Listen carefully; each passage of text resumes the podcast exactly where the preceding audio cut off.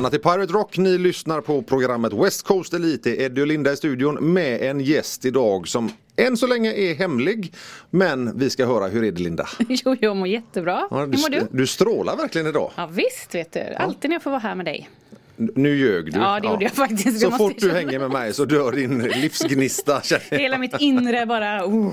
Ja. Nej då. Hur har din vecka varit? Ja, men den har varit bra. Ja, Mycket träning? Tillbaka på jobbet. Nej, jag har ju sviten efter covid. Jag kan ju knappt lyfta en vikt. Ja, men det är ändå härligt att, att jag för en gång skulle ha bättre kondition än vad du har. Eh, Det kan jag lova att du har. För jag har svårt att ta mig upp i trapporna till jobbet. Att, eh, Det är tur att det finns hiss. ja. Ja. nej jag tar inte is. Jag är galen. Är det en sån här prestigefråga Ja. när du ska upp till, till gymmet att du eh, vägrar ta hissen? Nej, jag har lite klaustrofobi så det är mest det. Ja, vad härligt. Men Linda, vi ska väl ta en liten genomgång vilka vi är för Mm. Ja men jag är då Linda, jag driver ett träningscenter i Mölndal.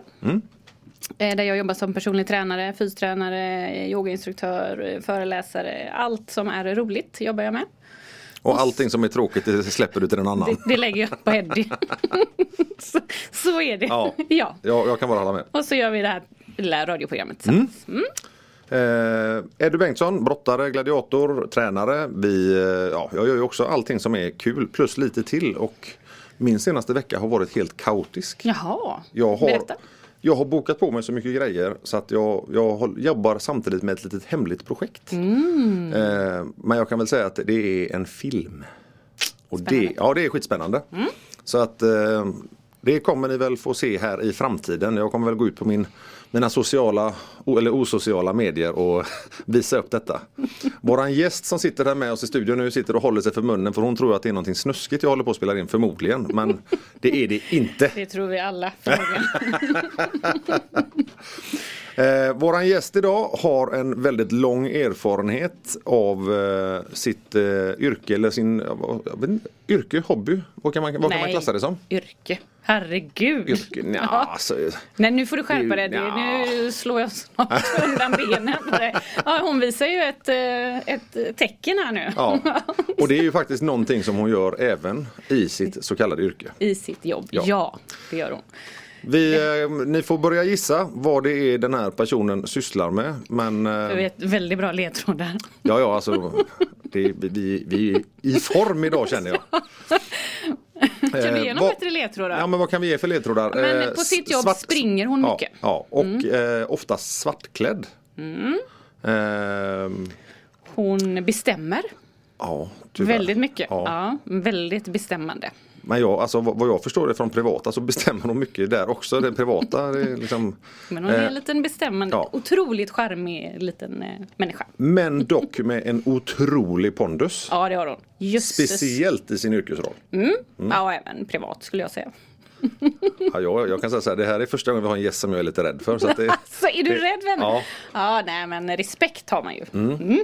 och eh, man kan väl säga så här att i sin yrkesroll så blir de både älskad och hatad. Ja, ja, ja. Det, det, då, det är väl inte för mycket sagt misstänker jag. Nej. Hon skakar på huvudet. Vi kommer tillbaka strax efter pausen och då ska ni få reda på vem det är vi har i studion. This is real rock and roll music. Pirate Rock. Välkommen tillbaka till Pirate Rock. Ni lyssnar på West Coast Elite och Ed och Linda är ju i studion som vanligt. Och eh, vi har ju, nu har ni haft en liten stund på er att fundera på vad den här gästen vi har med oss idag sysslar med. Och Linda, varsågod och presentera. Ja, det är ju Sara Persson, Fifa, fotbollsdomare. Välkommen Sara! Tack så hemskt mycket. Ja, så himla roligt att ha dig här. Hon är lika röd i ansiktet som sin tröja hon har på sig nu. Hon Ja, tyckte detta jag var det. jättepinsamt. Att vi, eh, Nej men jag har aldrig fått såna klockor och så här tjorop när jag presenteras. Nej, det kan jag förstå. Du är ju fotbollsdomare. Sitter inte folk och bara woho! Jo, mamma hemma Ja, just det. i soffan. Hon, följer mamma dig slaviskt när du Nej, dömer och inte slaviskt men väldigt, väldigt bra på Ja. ett sätt. Ja, hon absolut. Pappa med också givetvis. Ja. Men han är inte fotbollsintresserad i övrigt? Farsan ja. Ja. Jo, jo, det var ju han som fick mig in på detta. Bra! Eh, Sara, vilken nivå är du domare på? Eh, Ehm. Presentera detta lite.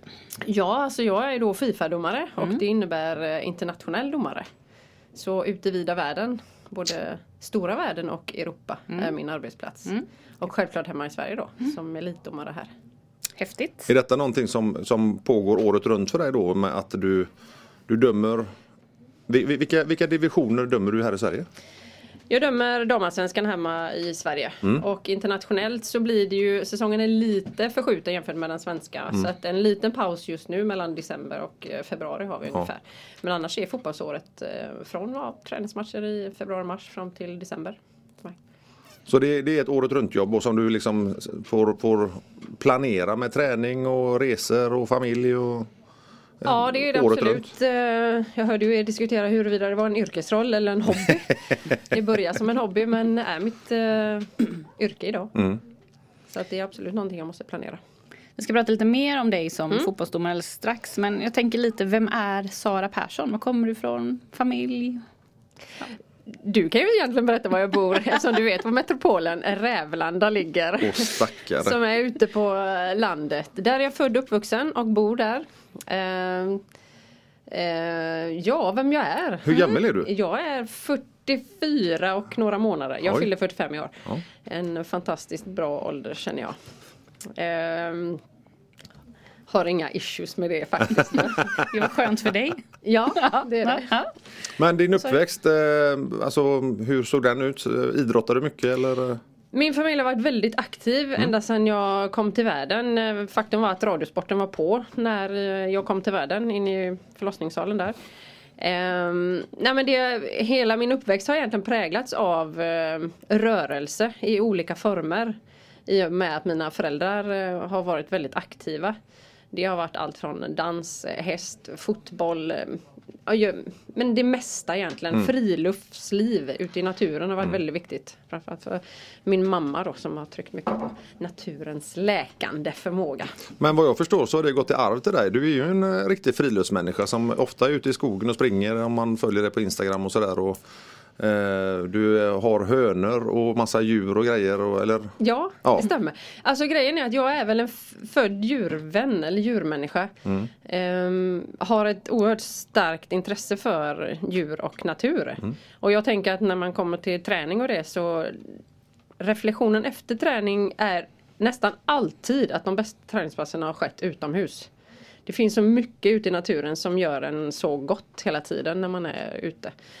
Ehm, Jag har ett väldigt stort eh, intresse för eh, djur. Jag har lång erfarenhet. Min utbildning gymnasialt var ju på lantbruksskola. Eh, Ville bli veterinär men hamnade eh, ändå på den skolan sen som anställd. Var där 15 år som instruktör. Den tacksamma delen av eh, elevernas utbildning. Där man får greja och vara ute. Framförallt med djur då. Där får blir min specialitet. Ja, men, det- Så med, behöver du någon som tanke- klipper dig så kan jag ställa till. Nej, jag ställa- tänkte ju mer att det, du, du, du dömer ju massa fårskallar ibland så att det, Precis. precis. Men du har även ett annat jobb nu som också Ja. innefattar djur. Ehm, grejen är att jag har eh, under väldigt många år av mitt domarskap eh, alltid haft ett jobb vid sidan. Så att okej, där började domarskapet som, ett, som en hobby. Eh, idag så jobbar jag på Länsstyrelsen som eh, djurskyddskontrollant. Coolt. Cool! Det låter, ju, men det låter ju som ett riktigt coolt jobb. Alltså, även det, vad gör man då? Det är ett utmanande jobb, eh, intressant eftersom jag har ett stort djurintresse och eh, också många års erfarenhet av det praktiska. Eh, gör att eh, jag kan tillämpa de erfarenheterna. Vi åker runt och tittar så att djuren har det bra. Dels allmänhetens inkomna anmälningar men också rutinkontroller från Jordbruksverket. Ja. ja, ni hör den här tjejen. Hon har många strängar på sin lyra och vi kommer höra mer från henne alldeles strax. Pirate Rock, the home of rock music. Välkommen tillbaka till Pirate Rock. Ni lyssnar på West Coast Elite och vi har ju våran gäst Sara Persson, do, toppdomare i internationellt och i damallsvenskan med oss i studion här idag. Och vi snackade lite om eh, att du har ett, ett jobb vid sidan om fotbollen. Eh, Djurskyddskontrollant. Jag har ju förmånen att, eh, eller förmånen, jag har två anställningar så att, eh, som funkar rätt bra att kombinera. Ehm, dels anställning på Svenska fotbollsförbundet som fotbollsdomare men också Länsstyrelsen då som djurskyddskontrollant. Och grejen är att jag tänker att det finns många fördelar med att eh, kunna kombinera detta på ett sätt. För att i mitt jobb som djurskyddskontrollant så kan jag absolut använda mina erfarenheter som fotbollsdomare Ehm, Rött kort och sånt. jag ska inte säga att det finns likhet eller mellan en mager häst och en uh, argsint tränare.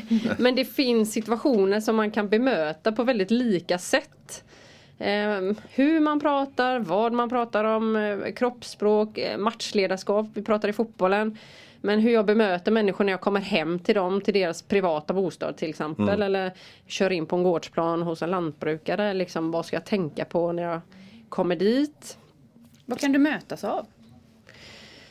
Ja, så jag kan mötas av det mesta egentligen. Ehm, jag brukar väl i och för sig ha ett förhållningssätt när jag kommer till kontroll att det är ehm, jag försöker ha en positiv, ehm, ett positivt förhållningssätt eh, när jag kommer dit. Sen vet, kan man veta på förhand att det kan se väldigt illa ut. Eh, det kan finnas problematik kring eh, kanske droger eller våld, annan misär som gör att det också blir en parameter som man kan börja fundera på. Eh, Men eh, jag brukar ha en ganska neutral eh, inställning när jag kommer till mina lantbrukare eller djurägare. Men vad, vad är det värsta eh, scenariot som, man, som du har mött när du kommer ut? Alltså när du har sett fullständig misär hos djuren? Alltså egentligen så är ju mitt jobb är att se till djuren, att deras väl och ve tillgodoses. Men det absolut värsta är väl egentligen när man ser att barn eller andra människor far illa i en situation där mitt jobb är att se till djuret. Givetvis har vi en skyldighet att rapportera eventuella missförhållanden för barn och ja, men även vuxna i, i misär liksom. Men eh, ibland kan det vara jobbigt när man går dit, man gör sitt jobb och inser att det finns andra problem att ta tag i. Men det, det är också andra instansers eh, ansvar att ta i det. Och då samverkar du med de här andra instanserna så att du lämnar en rapport vidare? Och Mm. Absolut, sådär. Ja. jajamän. Vi jobbar mycket med polisen till exempel. Eh, med polisanräkning. Det är ganska gött eh, att be dem göra entré i en lägenhet till exempel. Mm. eh, Och reka läget. Eftersom vi inte riktigt alltid vet vad det är vi, vi möts av. Men det är också lite tjusningen i jobbet. Det är ungefär som en match. Man vet inte riktigt hur den blir.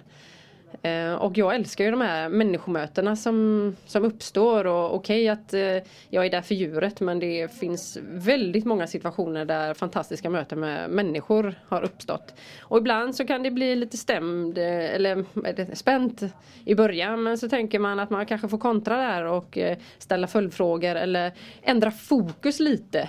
Om jag kommer till en lantbrukare som jag, mm, alltså uppenbart är stressad över att jag kommer dit och ska kontrollera hans kor till exempel.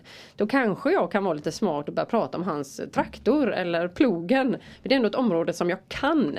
Och jag tänker att där bygger jag upp ett förtroende som jag kan använda sen i kontrollen när vi går in på det jag är där för att göra. Men när du har kommit ut någon gång så här till en, till en eh, kontroll av någonting. Vad är, det, vad är det skummaste, konstigaste djur du har sprungit på då? Alltså det är ju när vi skulle omhänderta en bandvaran. En bandvaran? Alltså jag var tvungen att googla ordet först. Va- Varan vet man vad det är men bandvaran. Hur stor är den? Hur ser den ut? Finns Hur de i Sverige den? överhuvudtaget? Ja de gör det.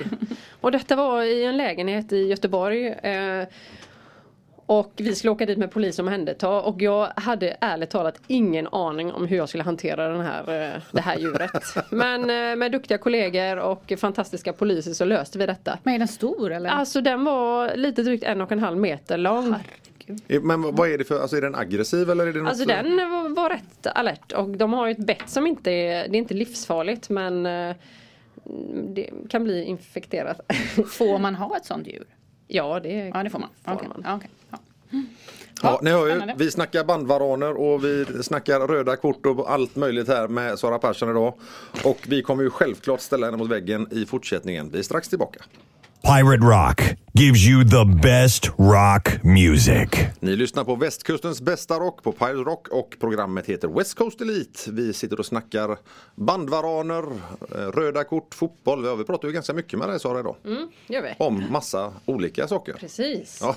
Nu ska vi gå in lite grann tänker jag på ditt yrke som fotbollsdomare. Yes. Hur och när kom du på att du skulle bli fotbollsdomare?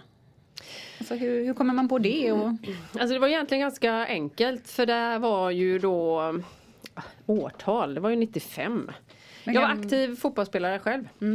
Eh, och eh, jag tänker att grundtanken från min pappa när han kläckte idén om att jag skulle utbilda mig till fotbollsdomare var väl att han hade tre döttrar hemma. Och kanske den äldsta höll på att bli lite för dyr i drift så att hon bör tjäna sina egna pengar. Eh, och att bli utbilda sig till föreningsdomare hemma i Rävlanda var, ja men varför inte tänkte jag. Hur svårt kan det vara? Hur gör man? Ja, alltså man går en ganska enkel utbildning i, det första. Och får börja döma barn och ungdomar. Och eh, jag märkte väldigt, väldigt snabbt av att det här var ju lite min grej faktiskt. Vad det din pappa såg. Ja, men egentligen så var det väl kanske det, även om han eh, fortfarande kallar mig för domarjävel ibland. Så, så tänker jag att nej, men han såg väl att jag hade potential för detta, tänker jag. Han är nog inte den enda som kallar det för det ibland. Nej, jag vet. Men hur gammal var du då? Ja, men 95. Vad var jag? 19? Ja, okej. Ja, Så jag var ganska gammal egentligen. För många föreningsdomare börjar när de är lite yngre. Ehm, men jag hoppade på. Jag var aktiv fotbollsspelare och insåg väl kanske att ja men spela i division 4 hemma i Rävlanda det var väl det jag höll på med. Ehm, men det rullade på och jag ska säga att jag träffade nog kanske lite rätt personer på vägen ganska snabbt.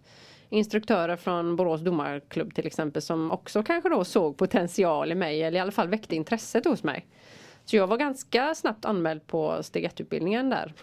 97 tror jag det var. Och då går man den hos fotbollsförbundet? Eh, ja, Västergötlands fotbollsförbund, det är på distrikt först. Men när man utbildar sig till fotbollsdomare, är det så att man får åka runt och provdöma till exempel Gothia Cup eller något annat som att man får lära sig att vara i matchsituationer? Mm, allting egentligen, eller det handlar i domarskapet av att samla på sig erfarenheter. Så matcher är erfarenheter. Så i början så du börjar döma hemma i klubben och så kanske du tar ett steg upp så du får vidga dig till distriktet så du blir dis- distriktsdomare. Gothia Cup är ett jättebra exempel där dels det finns fortbildningar som man kan bli uttagen till men också ett bra tillfälle att eh, just skrapa ihop sig matcher. Men hur, har du, du har dömt Gothia Cup? Eller? Ja, absolut. Vad- men vad är skillnaden när man tänker att, att när, du, när du känner att men det här vill jag satsa på? Vad, hur, när, när, när kom den grejen att ja, men, domare, jag ska bli så jäkla bra domare jag bara kan? Jag tror att jag hamnade vid någon form av vägskäl när jag hade fått min första son. Jag kom upp i division 1, gamla division 1 hette det då på damsidan. Eh, och i samma veva så sprang jag nog på en av mina absolut största idoler, Jenny Palmqvist, som tillhörde eliten. Och jag vet att när jag träffade henne så kände jag direkt att fasiken, jag skulle nog vilja bli som henne. Eh, inte allt men eh, på många egenskaper. Och framförallt så kändes hon väldigt tillgänglig. Hon, hon bjöd in oss eh, till sitt eh, och visade och vill, hon ville verkligen lära oss, eh, dela med sig av erfarenheter. Och det blev egentligen att jag, man fick följa med henne till exempel eller ehm, då gick jag ju som assisterande domare också med flaggan i näven och då hamnade man med de här elittjejerna. Eh, och då kände jag bara så här, nej men jag vill in på mitten och blåsa. Jag vill vara den som leder domarteamet och laget. Så att jag tänker att det var den första kontakten med de här elittjejerna som egentligen fick mig att eh, oh, det här kanske jag också kan nå. Och sen när de började prata om de här mästerskapen som de åkte på och eh, då kände jag bara så här, gud det här kanske kan bli några andra matcher än bort i Hyssna och Hajom liksom. Men hur är utbildningsstegen? Hur utbildar man sig? På de sidan har vi fyra steg. Och eh, där steg fyra då är för att kunna döma damallsvenskan och även ha chansen att bli internationell domare. Och hur lång tid tar det ungefär? Att gå alla de här stegen? Och... Det är lite olika är det. Ehm, för mig har det tagit ganska många år. Ehm, men samtidigt så har jag fått två barn på vägen. Vilket gör att man får eh, naturliga stopp eller pauser i domarskapet. Och det är icke att förringa tänker jag. För att det, det kan också vara, det kan gynna min domarroll faktiskt. Efter pausen ska vi kolla med Sara här eh, hur man testas för Mm. domare, fotbollsdomare. Absolut. Jajamän, vi är strax tillbaka. Pirate Rock, the home of rock music. Då är vi tillbaka på västkustens bästa rockstation Pirate Rock och ni lyssnar på West Coast Elite såklart. Och vi sitter här med Sara Persson, fotbollsdomare. Ja, och allt i allo, hon har ju många järn i elden. Eh, ja, det har hon. Får man ju säga. Men hon har också mycket energi va? ja. ja, jag känner henne väl så jag vet ju det. Men tillbaka som fotbollsdomare då tänker jag. Hur, hur blir man godkänd hela vägen för att bli en Fifa-domare hela vägen upp? Liksom? Eh, Det handlar om att prestera, eh, att vara bra och visa mm, att man vill utvecklas tänker jag. Och för varje division eller nivå man når så finns det också fystester att, eh, att visa att man klarar. Och de ser ju givetvis lite olika ut då på, med, med tanke på vilken nivå du dömer. Mm, då ändras de allt eftersom. Mm. De blir hårdare och hårdare. Men hur, hur, hur tränar man för att bli en bra domare, alltså rent fysiskt? Hur, hur lägger du upp din träning? Eh, det, där kan man också säga att det skiljer sig lite och då tänker jag faktiskt lite med min ålder hur man tänker där. Jag kan igen prata utefter som jag är idag. När man eh, är kanske både 10 och 15 år äldre än sina kollegor så måste jag kanske tänka på ett lite annat sätt med att hålla mig med skadeförebyggande träning, eh, annat upplägg. Jag kanske behöver peta in någon mer vilodag till exempel. Mm. Eller jag kanske har eh, andra perioder som jag måste tänka på. Jag kan köra hårdare och så kanske ha en lite längre vila eller så. Än en tjej som är 25-30 kanske. Mm. Men det handlar ju om att vi ska vara minst lika bra tränare som spelarna. Det har ju hittills aldrig hänt att någon vill byta med mig för att jag är trött liksom. Det finns liksom ingen chans att jag kan göra bytestecknet. Så, så du menar alltså att även domaren kan byta under matchen? Nej, nej. Det var precis nej. det hon sa. Ja, men jag tänkte om det, om det... Nej det är ingen möjlighet, det är inget alternativ, det finns inte. Har det, har det funnits en match där du har sprungit så att du liksom nästan går på knäna? Och, ja. Och, ja. jag hade en match för väldigt många år sedan. Eh, två härliga Göteborgslag, en U21-match där jag tänkte efter första kvarten av att dör jag inte efter den här matchen då så dör du aldrig Sara.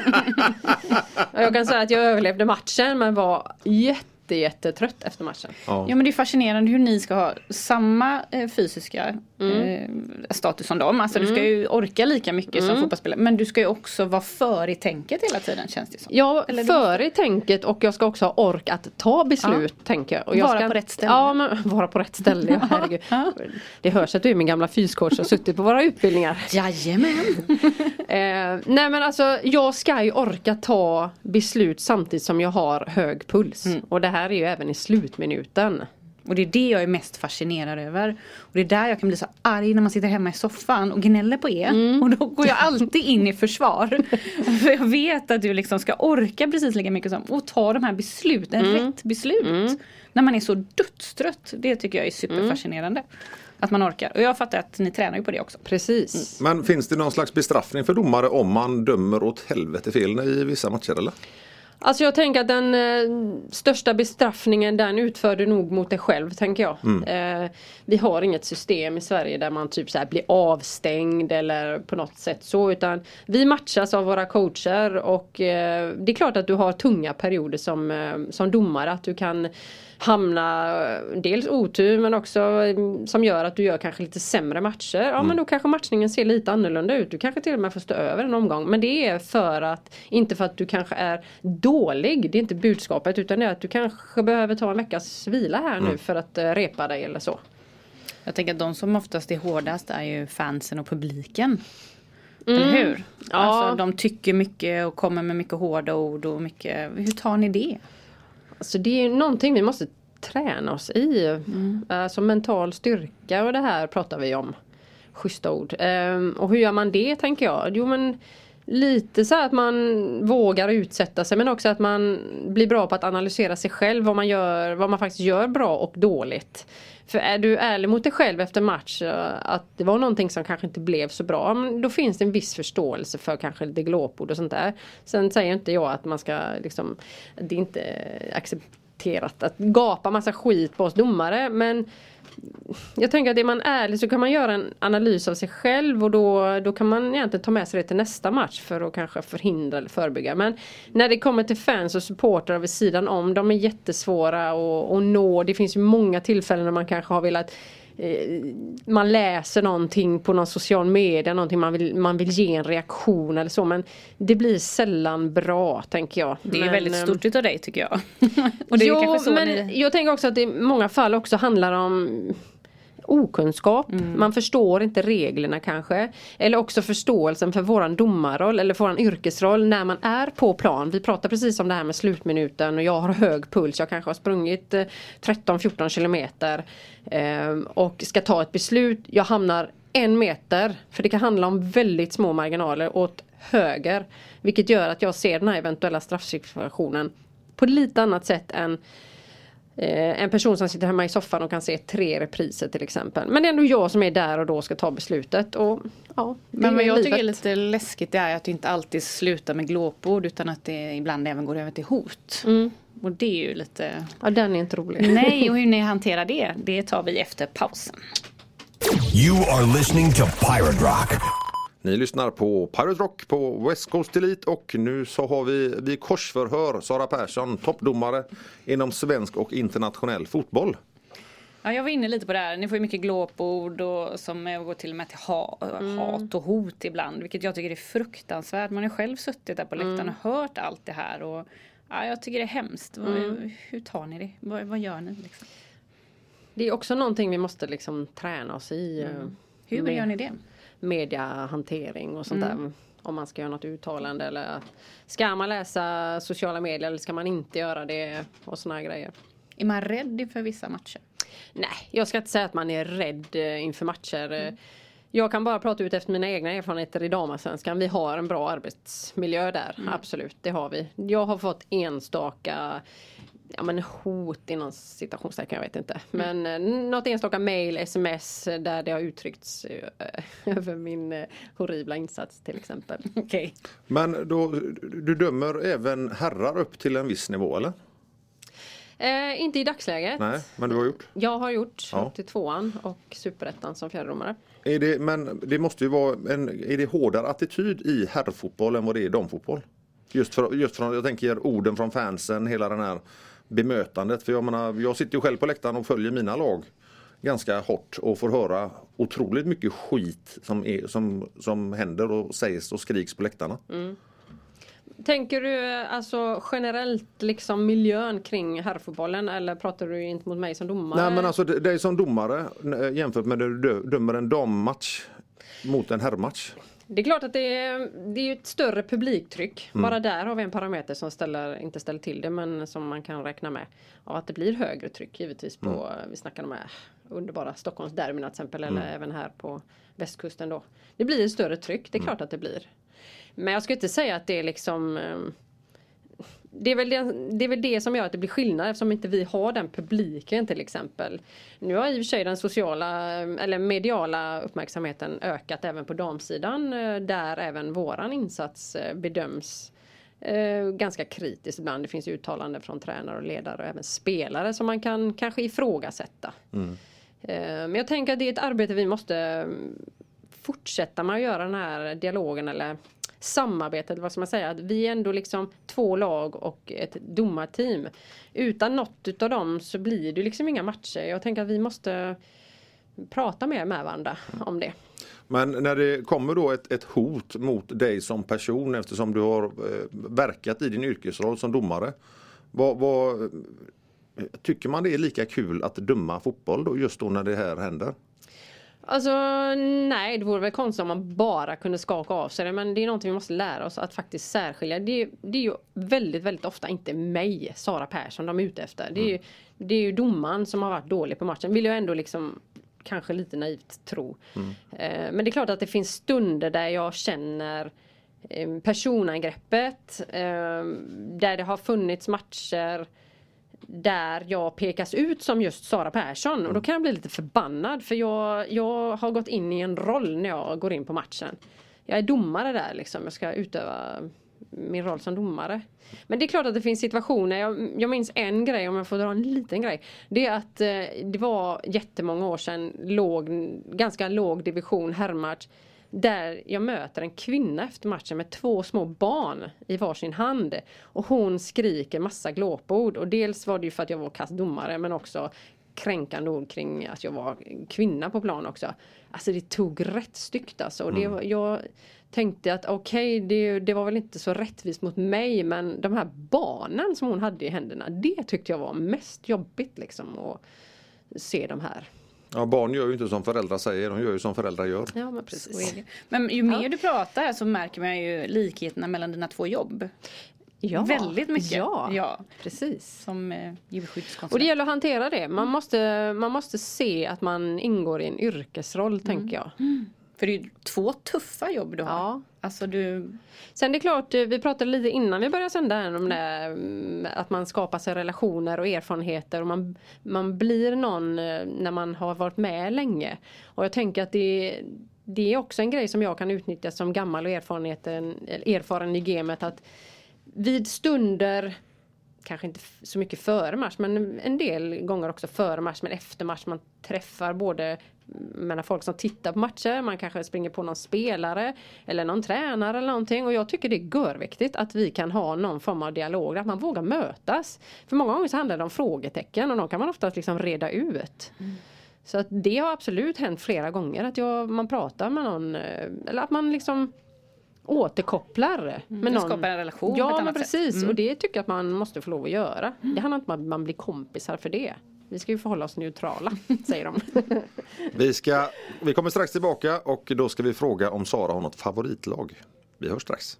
Pirate Rock, the home of rock music. Välkomna tillbaka till Pirate Rock. Ni lyssnar på West Coast Elite och vi har massa roliga frågor till vår gäst Sara Persson. Ja, det här programmet handlar ju mycket om träning och hälsa och livsstil och sådär. Så jag tänker, hur, hur ser en eh, veckas träning ut för dig? Ja, i, just nu så är det mycket fokus på att bygga upp kroppen igen. Hade ett väldigt, eh, väldigt kort eh, eh, break här nu eftersom allsvenskan och den internationella mm, delen lite så här blir ju lite fördröjd. Ehm, så det är mycket fokus på styrketräning, eh, inte jättemycket. Vi har en, in, en del eh, högintensiv träning men det är mycket att bygga upp kroppen för att vi ska hålla inför kommande säsong. Hur många pass i veckan? Jag tränar eh, mellan fem och sex pass i veckan. Mm. Mest styrketräning nu då? Ja, det är två pass med högintensivt. Men resten är mycket styrka. Mm. Vad har du för liksom, mål? Är det något test, eh, någon match, någon... Mål, vad är det? eh, ja men alltså grejen är att jag har ju eh, givetvis så ska jag ta hand om min kropp. Jag ska hålla mig stark och stabil för att eh, kunna konkurrera med de här lite yngre förmågorna som eh, så. För att kunna vara en bra allsvensk domare. Ehm, jag har givetvis som mål att eh, kunna springa och genomföra det här eh, testet för herrar division 2 igen. Jag vill tillbaka. Jag gjorde en eh, diskbråcksoperation för snart fyra år sedan nu och har inte riktigt repat mig efter den vad det gäller den explosiva löpningen. Ehm, Med detta har jag ju förstått att det är ett långt ganska tråkigt arbete men jag gör så bra jag kan för att nå dit. Sen får vi se om det räcker. Men vad har du för mål, närmast mål nu? Är det... Nej men det är att eh, jag springer löptest nästa fredag till Nästa exempel för den internationella delen. Och, eh, Hur ser det ut? Då springer vi eh, två stycken sprinter och sen det här nya testet, testet single double single som är det högintensiva. Vad gör man då? Mm, alltså det, det handlar om eh, sträckor som du springer på viss tid som gör att du kommer upp i puls för att visa att du är uthållig kan jag säga. Okej. Och detta ska ni klara varje år eller? Eh, internationellt springer vi två gånger per år och nationellt även två gånger. Eh, Jag tänkte fråga en sån här liten instick. Men hur många matcher klarar en domare av att döma i veckan? Alltså hur, rent fysiskt? Vad, vad, Det vad, för, nog- vad blir för mycket? Alltså det är nog lite olika givetvis men jag tänker också att det är Jag tycker det är väldigt lagom med en en till två matcher i veckan. Eh, och det kan också vara lite periodvis så givetvis. Någon gång har man två matcher i veckan och så kanske du knör in ett fjärdedomaruppdrag också. Men det handlar också om, det är inte bara den fysiska delen utan även den mentala delen måste hänga med så att man är fräsch inför eh, varje match som kommer. Du, hur ser dina utlandsuppdrag ut? Hur ofta åker du utomlands? I år, som, eller i år, 2020 som då givetvis var ett speciellt år eh, hann jag med fyra utlandsuppdrag. Eh, först slutspelet i Champions League i augusti. Då var jag borta i en och, ja, lite drygt en vecka. Eh, jag har haft EM-kval och Champions League-matcher. Den sista där då. Coolt. Coolt, ja. Coolt. härligt. Men hur många blir det ett vanligt år? För nu var Alltså det brukar ligga på man, ungefär fyra uppdrag. Är du med i elitgruppen i internationellt så då blir det ungefär fyra uppdrag. Jag skulle säga man tre och sex uppdrag. Hur är återväxten inom svensk domarkår? Alltså kommer det, vill folk bli domare? Eh, spontant svar ja, det vill de. Eh, det svåra som jag märkt är att behålla dem och det är framförallt tjejerna som är lite svåra att ha kvar på banan. Eh, vad det beror på det är väl någonting vi försöker klura ut så att vi kan behålla våra tjejer men även killar givetvis. Vi pratade arbetsmiljö innan och det är absolut en grej som spelar roll eh, huruvida ungdomar och yngre människor vill fortsätta med det här. Eh, löneklyftan måste jag ju eh, ställa Mm. en fråga mellan, mellan herrdomare och damdomare. Är det, Mm. har ni samma lön för samma arbete? Eh, vi som har anställning på förbundet eh, ligger lika. Ja. Eh, arvodena ser olika ut och det här är ju en fråga som diskuteras eh, huruvida det är rätt eller inte. Och det är klart att det finns eh, argument som gör att eh, det är mer betalt i herrallsvenskan till exempel kontra damallsvenskan. Eh, så det absolut finns faktorer som gör att, att det är en skillnad där. Det är också diskussioner som förs. Vi har eh, i stund pågående diskussioner med förbundet hur vi kan förbättra våra förutsättningar på damsidan då. Och även hur vi kan skapa liksom någonting som gör att även på damsidan man kan ha kvar detta lite mer som en hobby. Eh, så att man faktiskt kan kombinera med ett annat jobb. Ja, för jag tänker att, att om man ser att det faktiskt är en skälig ersättning till att satsa på att bli domare Mm. Absolut. så kan det ju vara lättare att behålla de här tjejerna som kanske droppar av när det inte ger tillbaka någonting. Ja men så är det ju. Det är klart att det finns en stark vilja av att man vill göra någonting och det är oftast den som är drivkraften. Det har det varit för mig under väldigt, väldigt många år. Jag tog mig ändå upp till toppen eh, utan anställning till exempel. Ehm, det är klart att det är en viktig grej att ta med. För det, jag menar, samhället förändras ju också där vi kvinnor eh, ja, men också behöver en inkomst. Inte vi kvinnor, vad dumt det lät. Eh, men att vi, det är klart att vi ska ha betalt för det jobbet vi gör. Självklart. Jättebra, vi eh, fortsätter prata med Sara alldeles strax. Det här är Pirate Rock. Göteborgs enda rockstation. Välkomna tillbaka till Pirate Rock. Ni lyssnar på West Coast Elite och vi har ju massor av frågor till våran toppdomare Sara Persson. Och ja, för några eh, ronder sedan här så, så ställde jag frågan Vad har du för favoritlag? Har du något favoritlag? Mm, det är klart jag har. Ja. Nej, men det, Vågar det du säga det? Att jag inte kan svara vilket favoritlag jag har. Vi ska ju vara neutrala. Nej men grejen är att eh, jag hejar ju på domarteamet. Nej men eh, nej, vad tråkigt jag, svar. Kan, jag vet. Ja men bu alltså, det är rött kort på den. Hon har med sig korten här. Du kan få låna det röda Ja, kortet. det, jag kan begrava det. Nej, jag är helt Nej ärligt talat, jag kan inte ha något lag, jag kan inte heja på något lag. Vi är neutrala. Det finns massor med bra lag. Jag kan heja på alla lag istället tänker Ja, jag. ja det var ju också, det var ju lika Ja. tråkigt. Ja, det. jag vet. Men jag har faktiskt en fråga till då. Eh, när ni dömer matcher, Mm. är det så att vissa spelare uppför sig på banan eh, de vet att någon dömer lätta straffar eller någon, någon alltså tål, eh, ja, accepterar hårdare tacklingar. Anpassar sig spelare efter vem det är som dömer matchen idag? Alltså du pratar ju med, mig som domare Ja. vet du. Jag tänker att det är en fråga för dem egentligen. Men Ja, men du måste ju märka, du måste ju se en, att, en eh, skillnad i så fall. Eller? Jag tänker att när du är ny i en serie så provas du nog ganska du provas mer, tänker jag. Kommer jag in på plan så vet de på förhand vem jag är. Hur, alltså att jag är erfaren. De känner mig tjejerna. De vet också vilken typ av spel jag eh, tolererar. Eller ska säga. De vet att de kan prata med mig till exempel. Vi kan liksom jobba ihop och förebygga en del grejer. Så här. Men det, det jag märker att alltså, jag följer ju mina lag slaviskt. Det är ju eh, IFK Göteborg och det är ju West Ham just nu då som hamrar på i Premier League.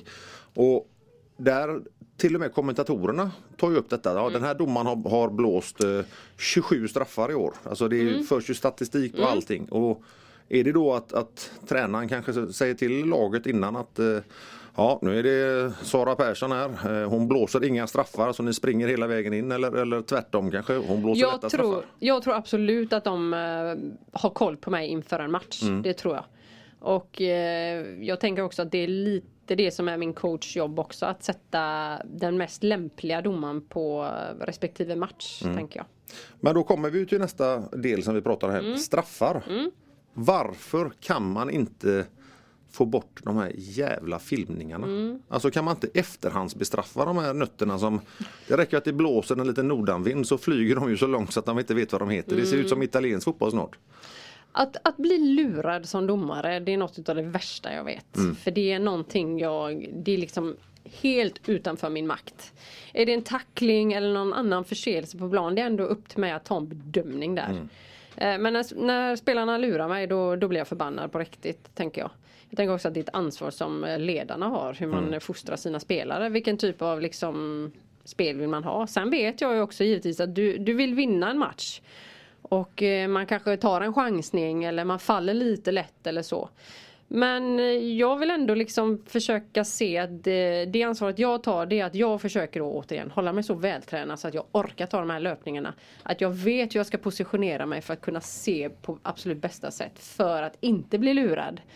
Men givetvis handlar det om, om förberedelse också. Likväl som lagen har koll på mig så har jag koll på lagen när jag kommer till match.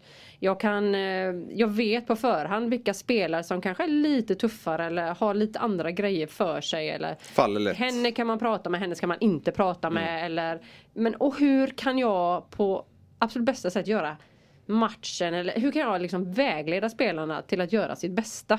Det är mitt ansvar tänker jag. Och skydda spelarna givetvis. Vad är det för skillnad att döma utomlands och i Sverige?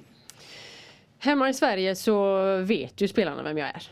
Och nu när jag har så många år eh, i serien också så vet de ju definitivt vem jag är.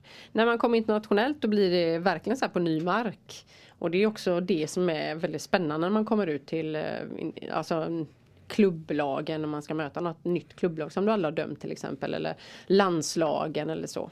Och då har inte du samma koll på spelarna heller eller har du ändå? Alltså jag har kanske inte riktigt samma koll men det ställer ju krav på mig att ta reda på spelarna då. Sen givetvis damallsvenskan har ju väldigt många internationella landslagsspelare.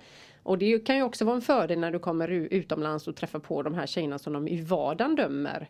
Då kan man liksom använda den lilla kanalen kanske av någon spelare för att göra någonting extra på plan för att, för att det ska bli så bra som möjligt. Är det fysiska skillnader utomlands och Sverige? Det skiljer sig, absolut det skiljer sig. Eh, Det finns klubblag som eh, spelar Champions League som kanske inte alls har samma förutsättningar som ett annat klubblag från England har till exempel eller Spanien, Frankrike. Så visst finns det skillnader där. Men jag skulle säga att direktiven är precis ungefär samma från Sverige till internationellt vad det gäller domarskapet i alla fall. Det är samma regelbok i alla fall. Det är det ja, ja okej, den där. Vi kommer strax ta paus här, men häng kvar så kommer Lindas fantastiska programpunkt Vår fantastiska kropp efter detta. Pirate Rock, the home of rock music. Varmt välkomna tillbaka till West Coast Elite här på Pirate Rock och eh, programpunkten nu är Lindas eh, egen gjorda, eh, det var det enda kravet hon hade, jag ska ha en egen punkt. Vår fantastiska kropp. Bra lön sa jag också. Ja, så att du, du fick punkten, du fick programpunkten. Men idag har jag en person här i studion som jag vet också tycker det är så himla viktigt att ha en stark och bra eh, relation med sin kropp. Ja, och hon menar inte mig nu Nej, alltså. utan då menar Sara Persson. Det är fantastiskt att ha dig i studion jag ska gå in på min punkt här. Ja, jag vet att du kommer hylla denna punkten Ja. också. Ja. Och idag då så har jag inte så mycket fakta med utan det är mer sådär bli vän med kroppen. För jag tycker att det är så viktigt. Vi har många som har ett evigt krig med sin kropp och jag tycker det är så synd. Alltså vår fantastiska kropp arbetar hela dagen med att reparera och bygga upp och mota bort infektioner. Alltså det pågår ju tusentals processer hela tiden i eh, kroppen. Och vi själva då, vi matar kroppen med gifter både från insidan och utsidan. Hur, va? Ja, Matar vi kroppen med, från insidan med gifter? ja men du stoppar i massa saker i kroppen som är gifter, som inte är bra. Dålig mat, alkohol, droger, mediciner. Ja, allt som julen hör till. De här skumtomtarna och pepparkakor, gud vet allt. Och sen på det har vi miljögifter och allting som kommer utifrån då. Och då ska den här stackars eh, kroppen fokusera på att städa ut alla gifter hela tiden. Och det, åh, det tar ju så himla mycket energi. Och jag fattar att man måste få äta lite gott ibland och lite sådär. Absolut. Men vi, om vi ger oss själva rätt förutsättning för självläkning så kan ju kroppen fokusera på de viktiga processerna istället för att hela tiden extra knäcka som eh, sopsorterare. Och jag tycker så här, en lycklig och självsäker insida speglar sig på utsidan ofta. Men är man olycklig på insidan så blir man ju liksom aldrig nöjd med sin kropp. Och det speglar sig utåt tycker jag. Så jag har fyra små punkter som jag vill ta upp bara för att bli vän med kroppen. Och då börjar jag här. Du måste inte gilla allt med dig själv för att kunna älska dig själv. Alltså ingen är ju perfekt. Perfektionism skulle jag säga inte heller hälsosamt så det är liksom inget att sträva efter. Så allt behöver inte vara perfekt. Älska dig som du är. Men hur ska man komma till den insikten att, att fan min valk där, den, nej ska man bli kompis med den fast man inte gillar den? Men vänd på det och se allting som är bra med kroppen. Det finns massa saker. Istället för att fokusera på den där lilla volangen som hänger över där eller en liten dubbelhaka eller vad det nu kan vara som inte är sådär perfekt. Hitta allt annat som är bra. Kroppen fungerar. Två ben som tar dig framåt. Det finns massa positiva saker. Mm, härligt. ja, då ska vi börja vända på det. Träna för att du älskar din kropp, inte för att du hatar den. Träning är på riktigt det bästa knepet för att bli vän med kroppen, tycker jag. Det tror jag att du är med på också. Eddie. Hur? där, därför faktiskt, det är andra gången jag håller med det här på alla de här Alltså programmen. då inser man vilka coola grejer som kroppen klarar av. Man blir helt hög på endorfiner och automatiskt väljer man ju ofta bättre näring när man tränar. Så, så är det. Ja, så är det faktiskt. Ja. Jag märker själv när jag börjar träna hårt så äter jag mycket bättre. Mm. Va- Varför, varför är man så konstig för? Ja, Men det blir ju en liksom eh, en eh, cirkel som blir, ja, men du, är, du tränar och då blir man mer sugen på bra mat. Jo Så men är alltså det är ju inte så att jag vill, alltså när man har kommit igång med träningen och man känner Mm. nu jäklar in i ett stimmer. Att man belönar sig med glass liksom. Utan då, då käkar man ju en god Mm. sallad, kyckling, Det ris. gör jag. Ja men du är ju domare så ni är ju inte kloka någon utav Men Du menar belönade med glass? Ja, men det kan man väl göra någon gång ibland? Ja. Absolut. Men inte som nu under julhelgen då när folk äter liksom inte hur mycket de ska få i sig. Och då kommer jag till nästa punkt som är mat är din vän. Mat ska inte användas som tröst eller straff helst som vi håller på med oftast. Utan den ska ge dig ork. Så att du kan göra roliga saker och så att du kan bli glad av att äta maten. Jag tycker mat är så socialt och härligt. Gör det till någonting bra istället. Det- som du får energi av. Det tycker jag är ganska vanligt bland föräldrar att man belönar sina barn med godis eller straffar dem med att ta bort godiset. Mm. Eh, Det är väldigt lätt att göra det. Ja, man gör ju det väldigt lätt för sig själv Mm. i ett sånt här läge. Eh, men samtidigt så om man lär barnen att tycka om grönsaker från början så kanske det blir lite lättare att man eh, Nej, nu får du ingen morot om du fortsätter svära så här. Det var, åh, du använt den ofta hemma. Eh, nej, jag är inte en av de som har lyckats eh, komma in på den delen. Min nästa punkt är helt enkelt sträck på dig. Allt känns genast lite bättre och lite härligare och jädrar vad vi sträckte på oss här i studion nu. Man känner sig lite snyggare bara av att sträcka på sig. Eller hur? Ja, jag känner mig skitsnygg. Jag tycker så här, acceptera hur du ser ut och låt hellre din hälsoresa handla om att må bra. För jag lovar att den dagen som du blir sjuk så kommer inte ditt utseende att vara det viktigaste. Det har vi också pratat om i ett annat program här. Och inte heller om vad andra människor tycker. Så att jag tycker så här, målet är att vara frisk och ha en stark kropp. Så att bli vän med kroppen. Har du några tips Sara på att bli vän med sin kropp? Och de tipsen tar vi alldeles strax. You are listening to Pirate Rock. Välkomna tillbaka till Pirate Rock. Ni lyssnar på West Coast Elite och eh, Linda hade ju sin fantastiska programpunkt eh, alldeles nyss. Bli vän med kroppen Ja, och igen. vi ställde ju en liten fråga till Sara, våran gäst i studion idag. Stämmer. Vad har du för att acceptera? Vad, har du några tips? Alltså jag måste nog hålla med dig Linda. Det här handlar om mycket om att se sina styrkor. Det är så himla lätt och framförallt när man hamnar i någon form av konkurrenssituation också när man ska, man ska tävla mot någon annan eller man vill någonstans i någon typ uttagning eller till man vill få någon match eller hamna med någonstans. Att man, hamnar, man tävlar mot någon annan. Och jag tänker att då blir du inte bättre om du bara ser att ja, men jag är inte lika snabb som henne eller jag har inte lika platt mage som henne eller jag är inte lika stark som henne utan istället vända på det och säga så här, men det här är jag bra på. Mm. Och det här gör jag riktigt bra på. Så att man, det som du säger att se sina styrkor och sina positiva grejer det, det tror jag är ett vinnande koncept. Det är inte helt lätt. Nej det är jättesvårt. Och det är någonting man verkligen, verkligen måste liksom, ha, man träna på att göra och göra sig uppmärksam på. Jag har faktiskt ett tips som jag har med några av mina kunder. Som jag sa till dig förut är det här att man kan använda en bok, en bra bok. Och då ska man skriva en bra sak om sig själv varje dag. Börja med en eller två eller tre. Eh, Men har man jättesvårt kanske man bara ska börja med en. Och så mm, tvingar man sig att hitta någonting bra med sig själv varje dag. Och en del har ju jättesvårt att hitta en enda bra sak. Då blir jag lite ledsen i ögat. För vi har ju så himla mycket bra saker. Men de skulle nog inte ha svårt om man, att man ska fylla med dåliga saker. Nej, då, nej, då, för att man är så jävla självkritisk att "Nej, jag duger ju inte till någonting. Och jag tror att det är någonting som man har lärt sig. Från, alltså, det är ju uppfostran och umgänge och alla sådana här saker. Att man inte är värd speciellt mycket. Jag har en grej faktiskt mitt första år i damallsvenskan när jag var oerhört stolt givetvis för att kommit upp där men också satte en väldigt hög press på mig själv. Och eh, där varje match handlade hela tiden om vad jag skulle förbättra. Och till slut så tog det liksom bort all glädje från dömandet. Mm. Liksom, att det handlade bara om vad jag gjorde fel hela tiden.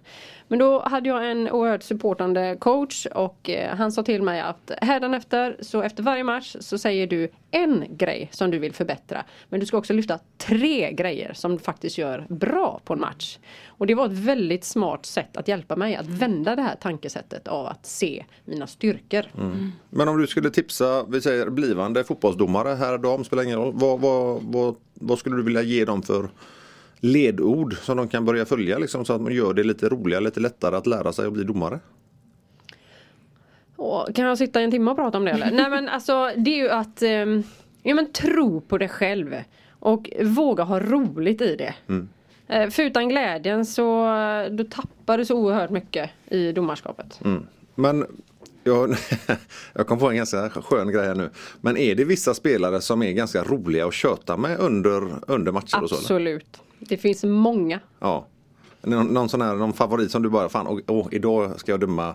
Jag vet ju att vi hade ju en gäst här för ett tag sedan, Pontus Wernbloom och han tjötar ju mer än vad han spelar fotboll. Och han är ju helt underbar att köta med. Eh, Men har man sådana sådana här som att ja, men idag kan det nog komma sådana riktiga one-liners. absolut.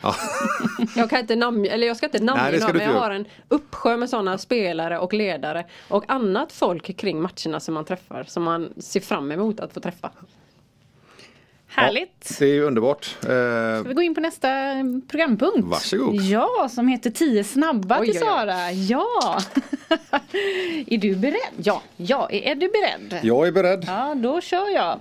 Korv stroganoff eller oxfilé? Oxfilé. Myskläder i soffan eller party med högklackat? Uh, myskläder i soffan. Vinter eller sommar? Sommar. Smoothie eller champagne? Smoothie. Snabba frågor var Så det. champagne. Nej, smoothie. Eh, bänkpress eller benpress? Benpress. Varmbad eller kallbad? Varmbad. Staden eller skogen? Skogen. Eh, tränar du helst själv eller tillsammans med någon? Tillsammans. Skräckfilm eller romantisk komedi? Romantiskt alla dagar. Är du en person som går i vattnet eller hoppar du i? Går i vattnet. Åh vad tråkigt det lät men eh, Tack snälla Sara, där lärde vi känna dig ännu bättre. Ja. Ja. Men nu har jag en annan spännande fråga till Sara. Om du får välja vilka... Nej, vi tar det efter paus. den tar vi efter pausen för den är alldeles för lång fråga så hon, kommer, hon har sådana utläggningar så att nu Vi hörs alldeles strax. Pirate Rock 95.4 and 90.7. Välkommen tillbaka till Pirate Rock. Ni lyssnar på West Coast Elite och vi ska nu ställa ytterligare en liten fråga till Sara som är om du får bjuda in fyra personer, vilka som helst, alltså från vilken tidsepok som helst, levande eller döda, som du ska äta middag med.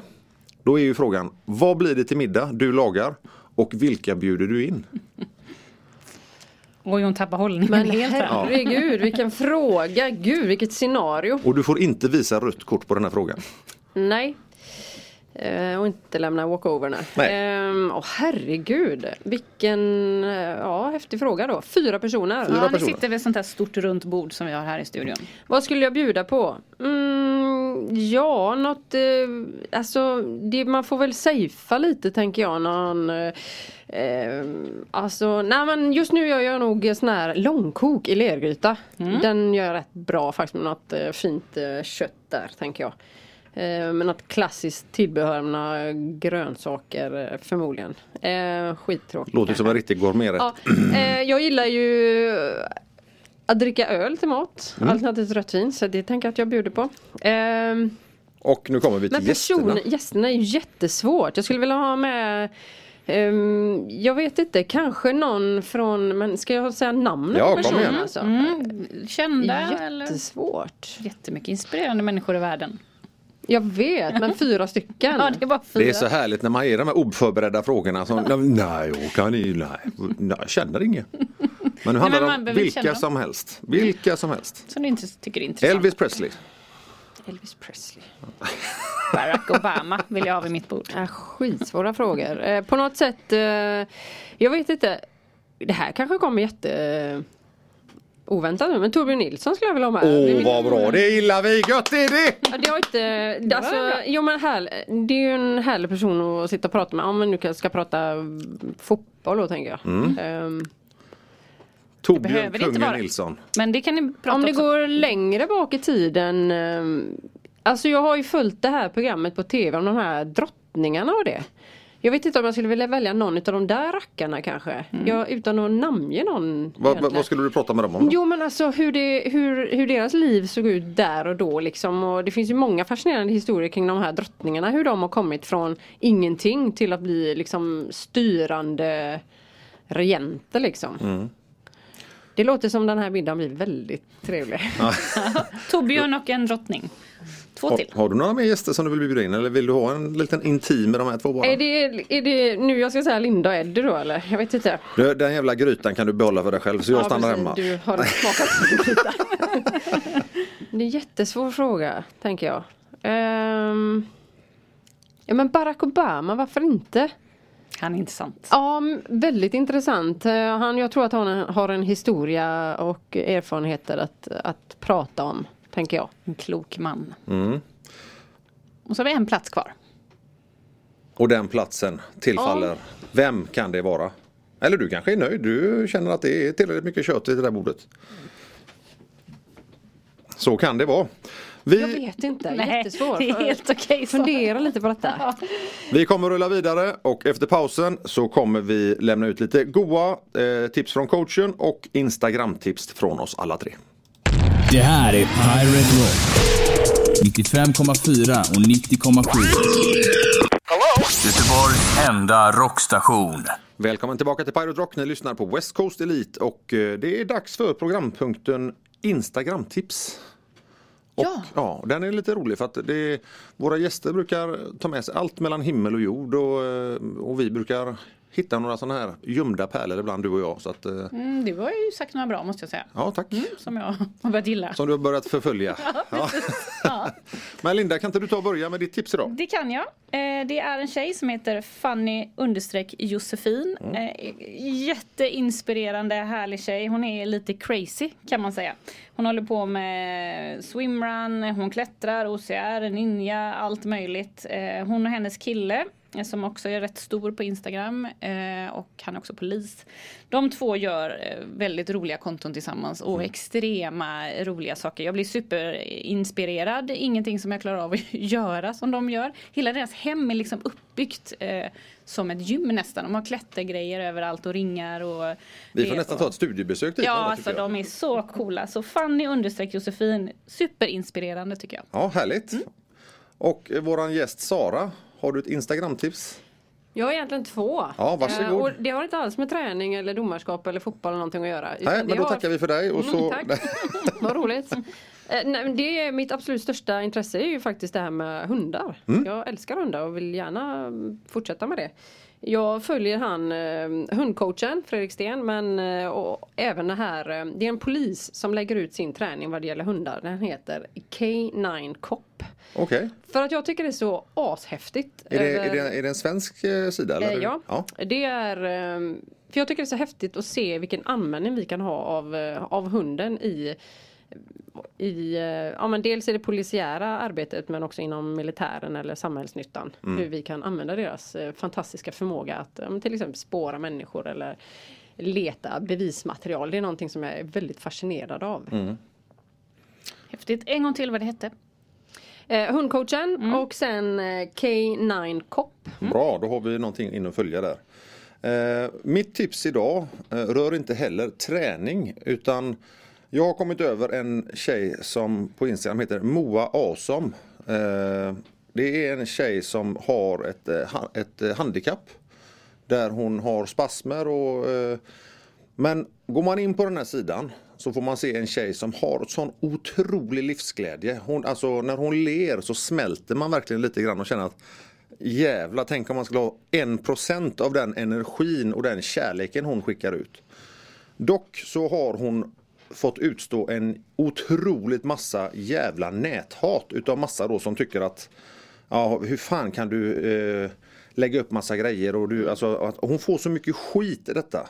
Och jag tycker den här tjejen är helt fantastisk. Eh, hon har humor som man, man skrattar som man skriker när man ser hennes videos. Så att Mo, Moa Avs, Avson, eh, M-O-A A-W-E-S-O-M-E.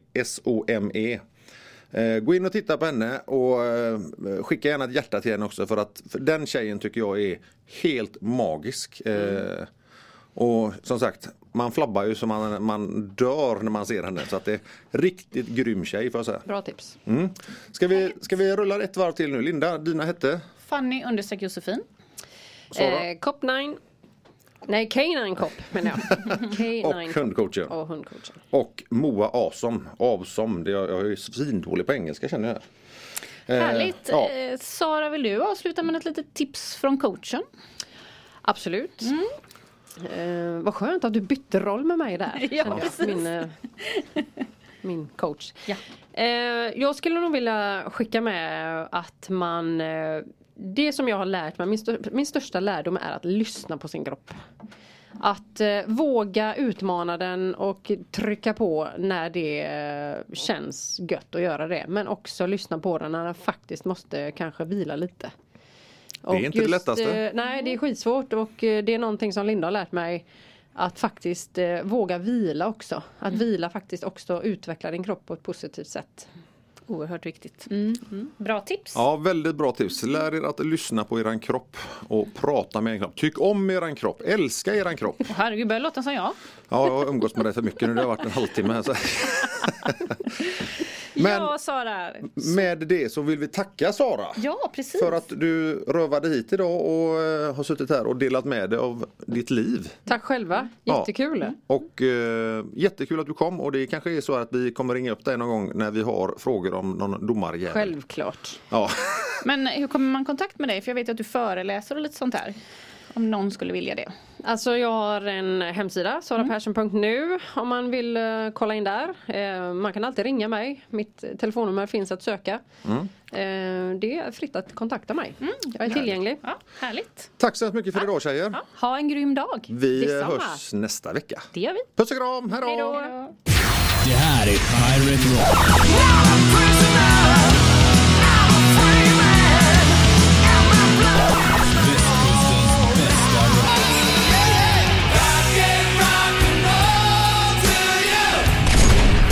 95,4 och 90,7.